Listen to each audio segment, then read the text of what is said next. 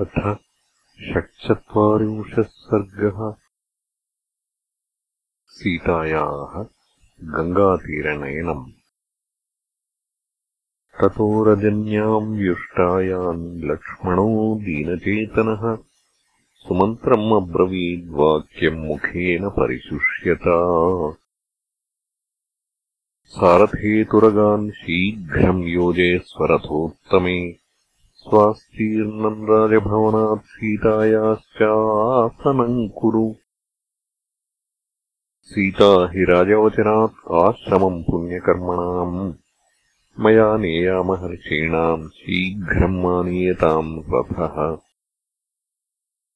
सुमन्त्रस्तु तथेत्युक्त्वा युक्तम् परमवाजिभिः रथम् सुरुचिरप्रख्यम् स्वास्तीर्णम् सुखशय्यया आनीयोवाच सौमित्रिम् मित्राणाम् मानवर्धनम् रथोऽयम् समप्राप्तो यत्कार्यम् क्रियताम् प्रभो। एवमुक्तः सुमन्त्रेण राजवेश्मनिलक्ष्मणः प्रविश्य सीताम् आसाद्यव्याजहार नरर्षभः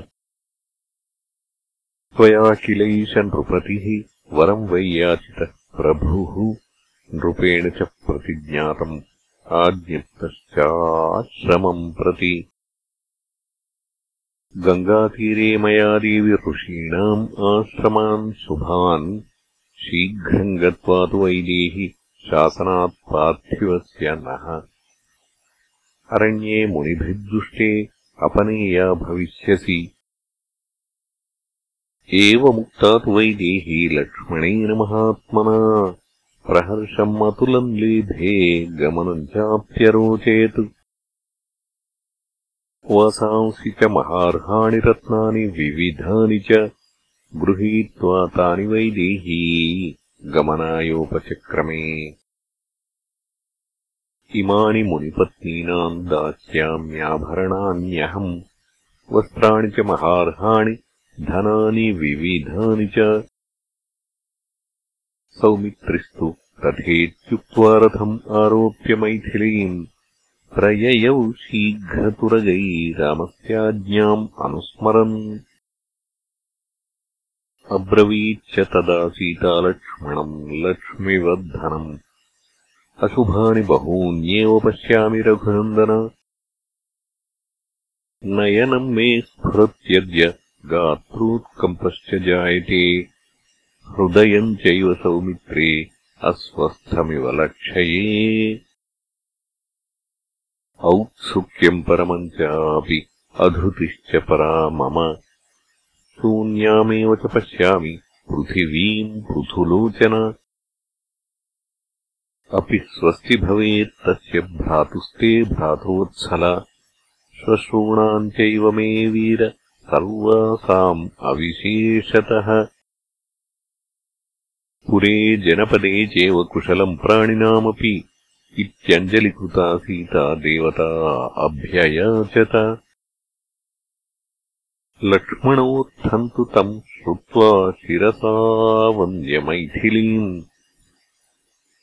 शिवमित्यब्रवीद्धृष्टो हृदयेन विशुष्यता ततो वासम् उपागम्य गोमतीतीराश्रमे प्रभाते पुनरुत्थाय सौमित्रिः सूतमब्रवीत्।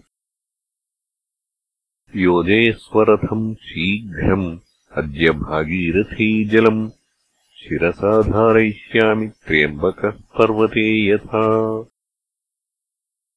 सोऽश्वान् दद्वाथ चतुरो रथे युङ्क्त्वा मनोजवान्। आरोहस्वेति वैदेहीम् सूतः प्राञ्जलिरब्रवीत् सा तु सूतस्य वचनात् आरुरोहरथोत्तमम् सीता सौमित्रिणा सार्धम् सुमन्त्रेण च धीमता। आससादविशालाक्षी गङ्गाम् पापविनाशिनीम्। अथाद्धदिवसम् गत्वा भागीरथ्या जलाशयम्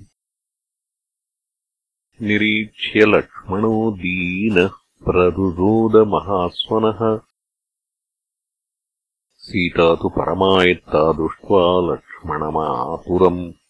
उवाच वाक्यम् धर्मज्ञा किमिदम् हृद्यते त्वया?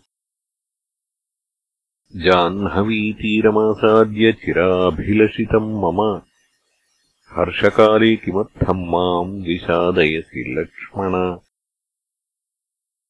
नित्यम् त्वम् रामपार्श्वेषु वर्तसे पुरुषर्षभ कच्चिद्विनाकृतस्तेन द्विरात्रम् शोकमागतः।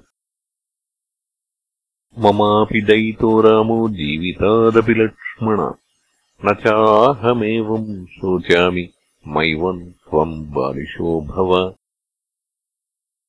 तारयस्व च माम् गङ्गाम् दर्शयस्व च तापसान् ततो मुनिभ्यो दास्यामि वासांस्याभरणानि च